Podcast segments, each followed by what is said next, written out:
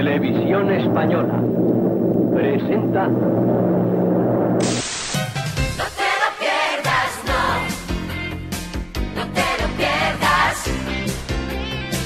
No te lo pierdas, no.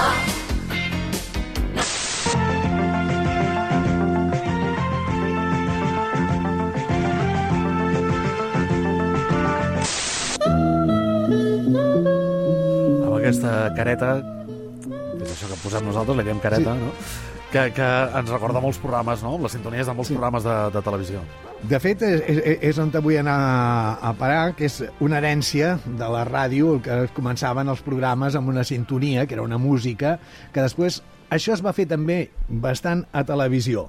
Eh, després l'aparició de capçaleres amb muntatges, això, oh, clar, a mesura que hi ha hagut la, la capacitat d'ordinadors, de fer més coses, però eh, moltes vegades la capçalera era un fragment o la sintonia, millor dit, introductòria, era simplement un fragment de música que s'agafava de música clàssica, Sí, sí, sí, sí, sí, es buscava algú que no tingués drets d'autor, en les emissores... Bueno, o, o, o les emissores o municipals... encara que tingués drets d'autor.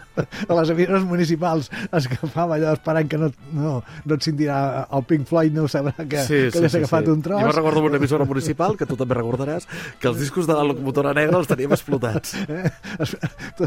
Jo deia, no, aquest, aquest ja l'ha fet servir. Ostres! Casis. ja no es En pot fi. fer servir. Bueno, eh, el que dèiem, molts cops ni tan sols era original, tot i que havia alguna per encàrrec. En el cas de la sintonia del programa d'avui, no sé si va ser en- encarregada o no.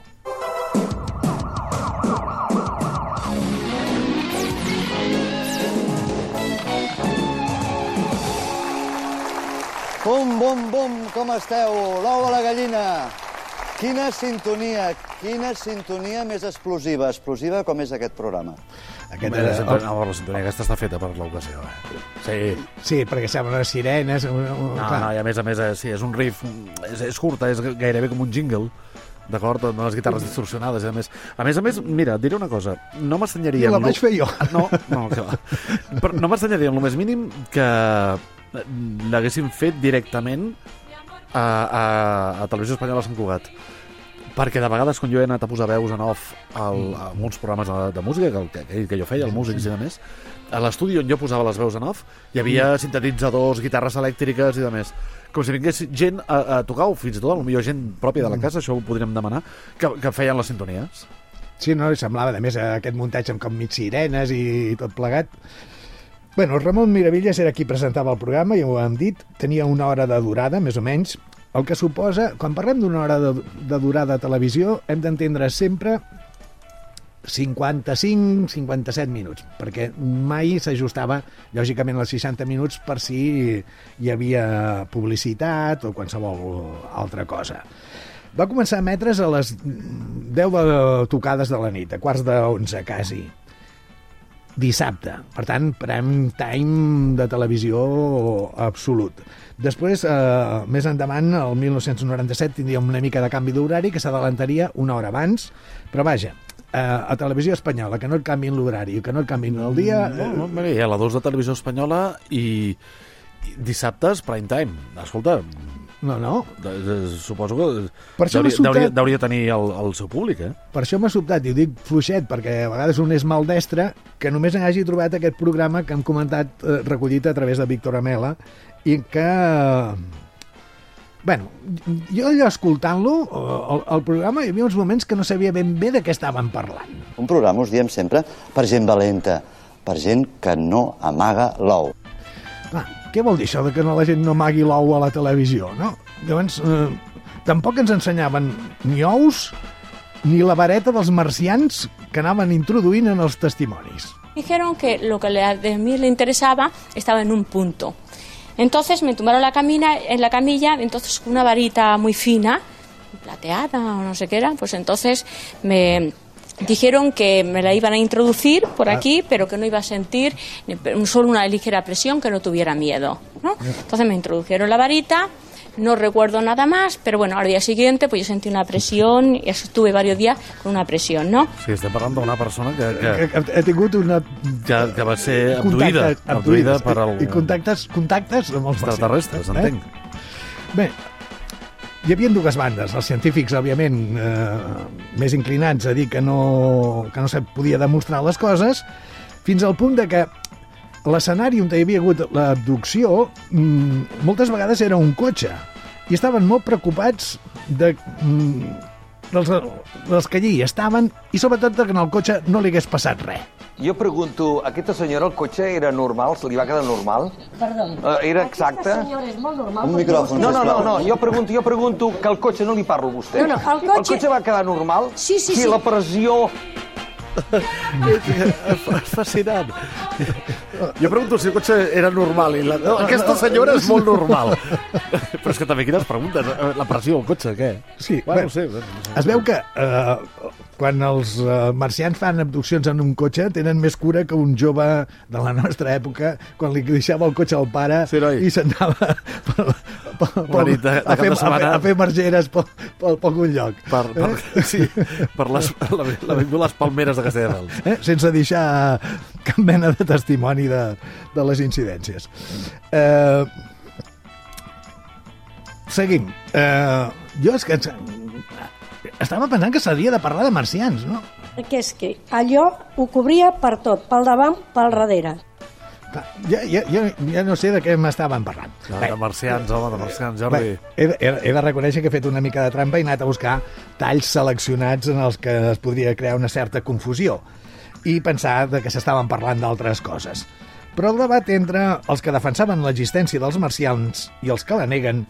Eh, si no estaves molt atent ja veuràs com et pots arribar a confondre. L'error que cometem normalment, No, no, no, els que escolti, estudiem escolti. aquests temes, No, és no, que no. prenem com a referència No, no, no. els L'aire- marcs i les coses que nosaltres l'aire és per coneixem. impulsió. Però és lògic Per que això té una avançada respecte a la nostra tecnologia Suposo molt que té més un àmplia. suposo que en ha una- conseqüència, el que passa és que les nostres referències espai-temporals són absolutament escolteu-me, diferents. Escolteu-me, a la vida hi han dues coses principals i exactes, que és la mort i el viure. Tot el més és una ciència-ficció. I estem fent una ciència-ficció. Perdoni, però Aquí quan jo faig l'amor amb la meva dona li asseguro que no és per ciència-ficció. Qui? La seva senyora? No ho sap si és ciència-ficció o no, o per ser un extraterrestre? No, el dia que es sí, divorci, hombre, no, segur que serà sí. un extraterrestre. Quan Mare faig, meva, però, però quins... quan faig l'amor amb la meva dona no és un extraterrestre. Ostres, ostres, ostres, però quins debats. que fort. Per per això dic, jo entenc que s'estava parlant de, de la qüestió de, de les existències d'altres eh, sers. Entre els assistents hi havia experts, hi havia públic que eh, era testimoni d'alguna experiència i altra gent que eren dels que eh, tenien la, el segell aquest que si parlaves en aquella època de, de marcians no hi podia faltar. Per exemple, l'ufòleg, perdó, Antoni Rivera. Els bicornis són molt abundants a la nostra societat. Bicorni, que bicornis, eh? Dos cuernos. N'hi ha bastants a la nostra societat. Bé, jo no volia parlar dels bicornis. Volia parlar de la vida extraterrestre, si em permeteu. Moltes gràcies. Volia parlar de la vida Experiència, ho té per experiència. És a dir, a l'univers, perdó, Un moment, és per experiència, això ho explica vostè per experiència? Sí, senyor, en part sí. Ah, per experiència. En part sí, sí, sí. Li contesto un moment, jo sóc extraterrestre perquè en memori seré un extraterrestre, estic si em segur. deixa parlar, per favor. Vale. Vull parlar de la vida extraterrestre. A l'univers, en primer lloc, no hi ha excepcions. No hi ha excepcions.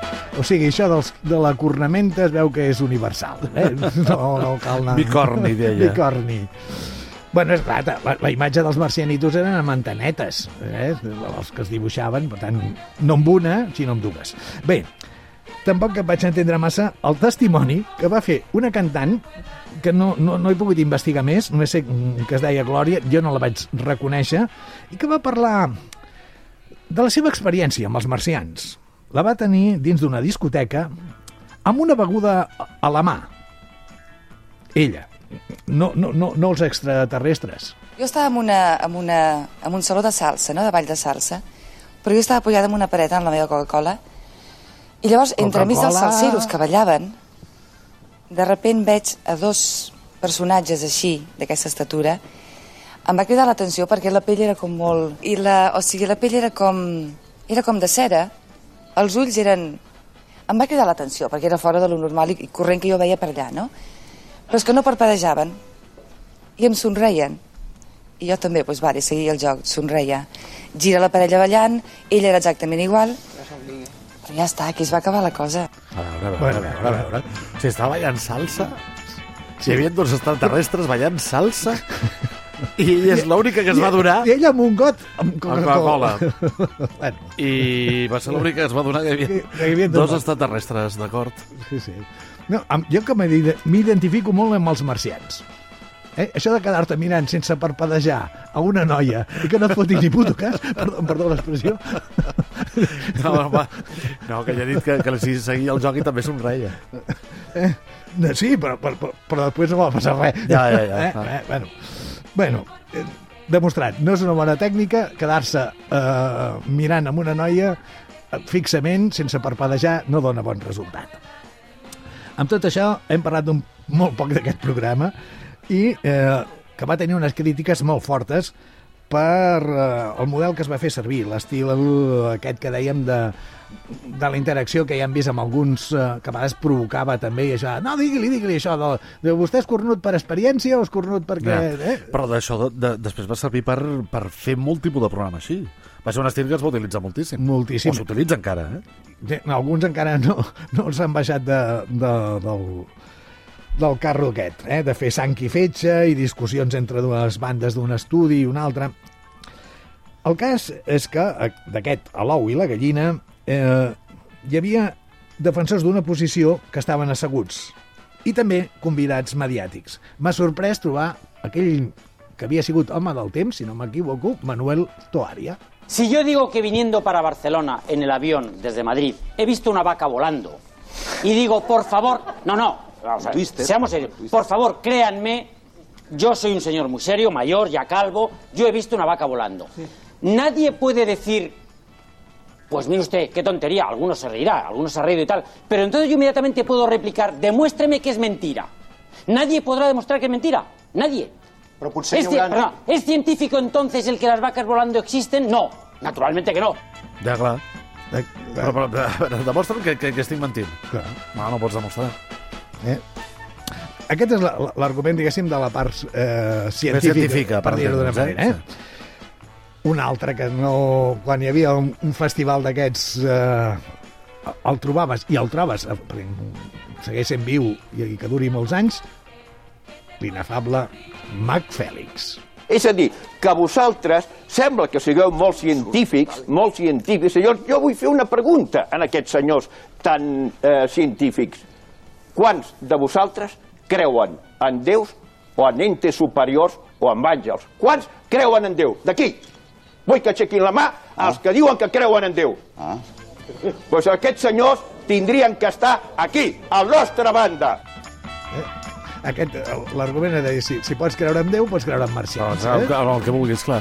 Eh, el Mac Fèlix, li enviem un petó molt fort, una abraçada molt forta.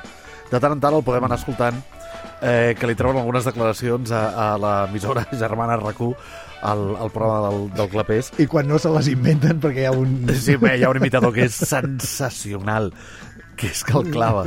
Amb el Mac Fèlix eh, vam treballar molts anys plegats i, i li tinc un gran apreci i, i fins i tot quan jo vaig eh, venir un altre cop a aquesta casa, el programa de les tardes, doncs el Mac Fèlix ens venia, ens venia a veure ha, hi ha un tall històric de- d'una baralla Amb el Cuní. amb el Cuní. que, li, que li diu de tot. En fi, petó ben fort, eh, Fèlix. Seguim. En aquest aigua barreig tampoc hi pot faltar el que ja hem escoltat, que era l'Antoni Rivera, que era considerat el defensor de les tesis més rigoroses de l'existència en altres galàxies i en altres mons, i amb arguments, això sí, de pes. Por favor. Pero no diga tonterías, el Por universo favor, que no está he lleno de por favor. excepciones. Cojones. Sisplau, sisplau.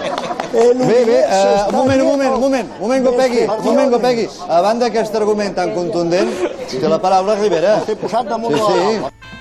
M'estàs m'estàs fent venir unes ganes d'anar a buscar aquest programa, que em sembla que aquest migdia a casa caurà aquest programa, eh?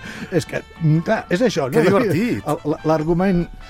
És aquell argument d'aquí, en, en, aquest, eh, en aquest país que tenim, no? De dir, una, por...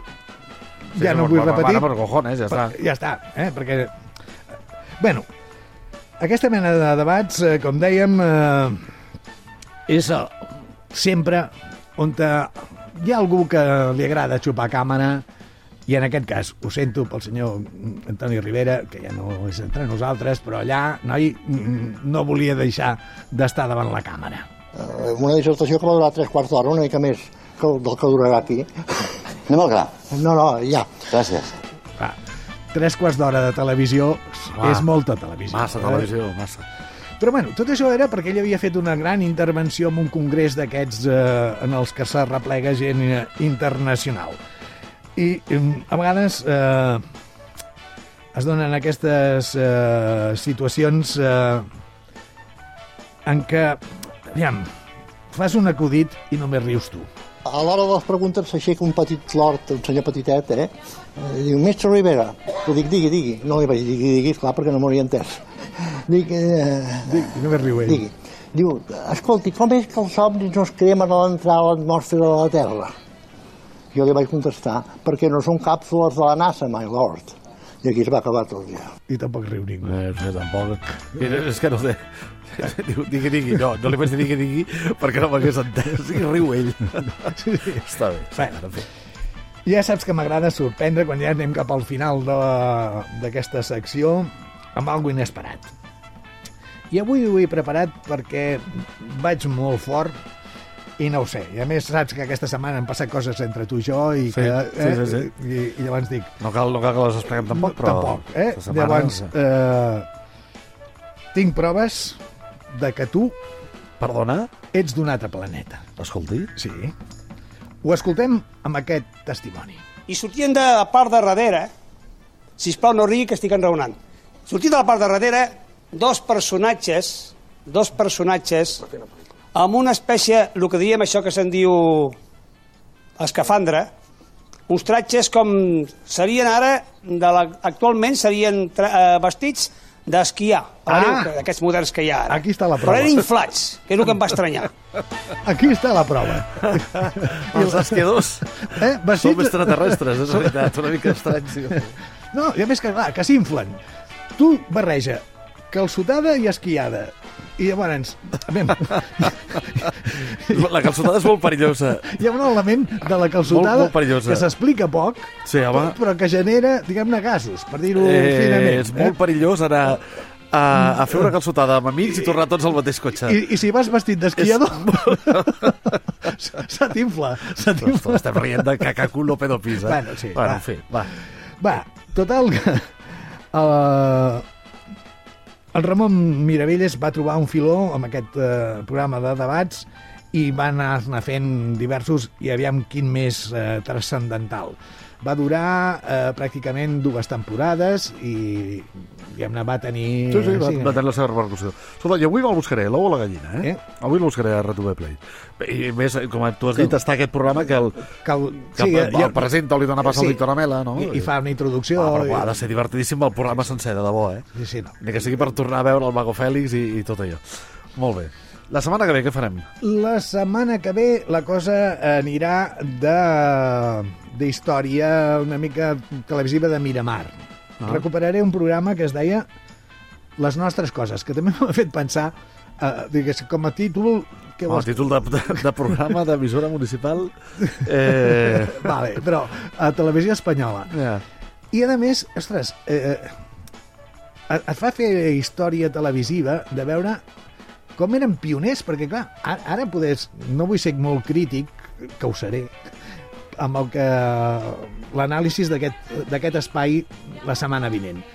Però és que clar, feien unes entrevistes, feien unes coses que eren somníferes. Ja, perquè abans es feia així, la tele. I abans... Eren molt llargues, molt llargues i molt planes. Tampoc hi havia canvis d'imatge, no hi havia... No hi havia sobre- el ritme que tenim ara, per exemple. molta cosa d'imatge havia eh, s'havia filmat en cine per tant era pel·lícula no, i no et permetia l'editatge que després eh, ara actualment ens podem permetre mm, corta pega i talla cap allí per tant mm, i també clar, al, algunes persones que venien del món de la premsa Després eh, s'entén que va haver-hi bastanta polèmica entre la, la premsa i la televisió.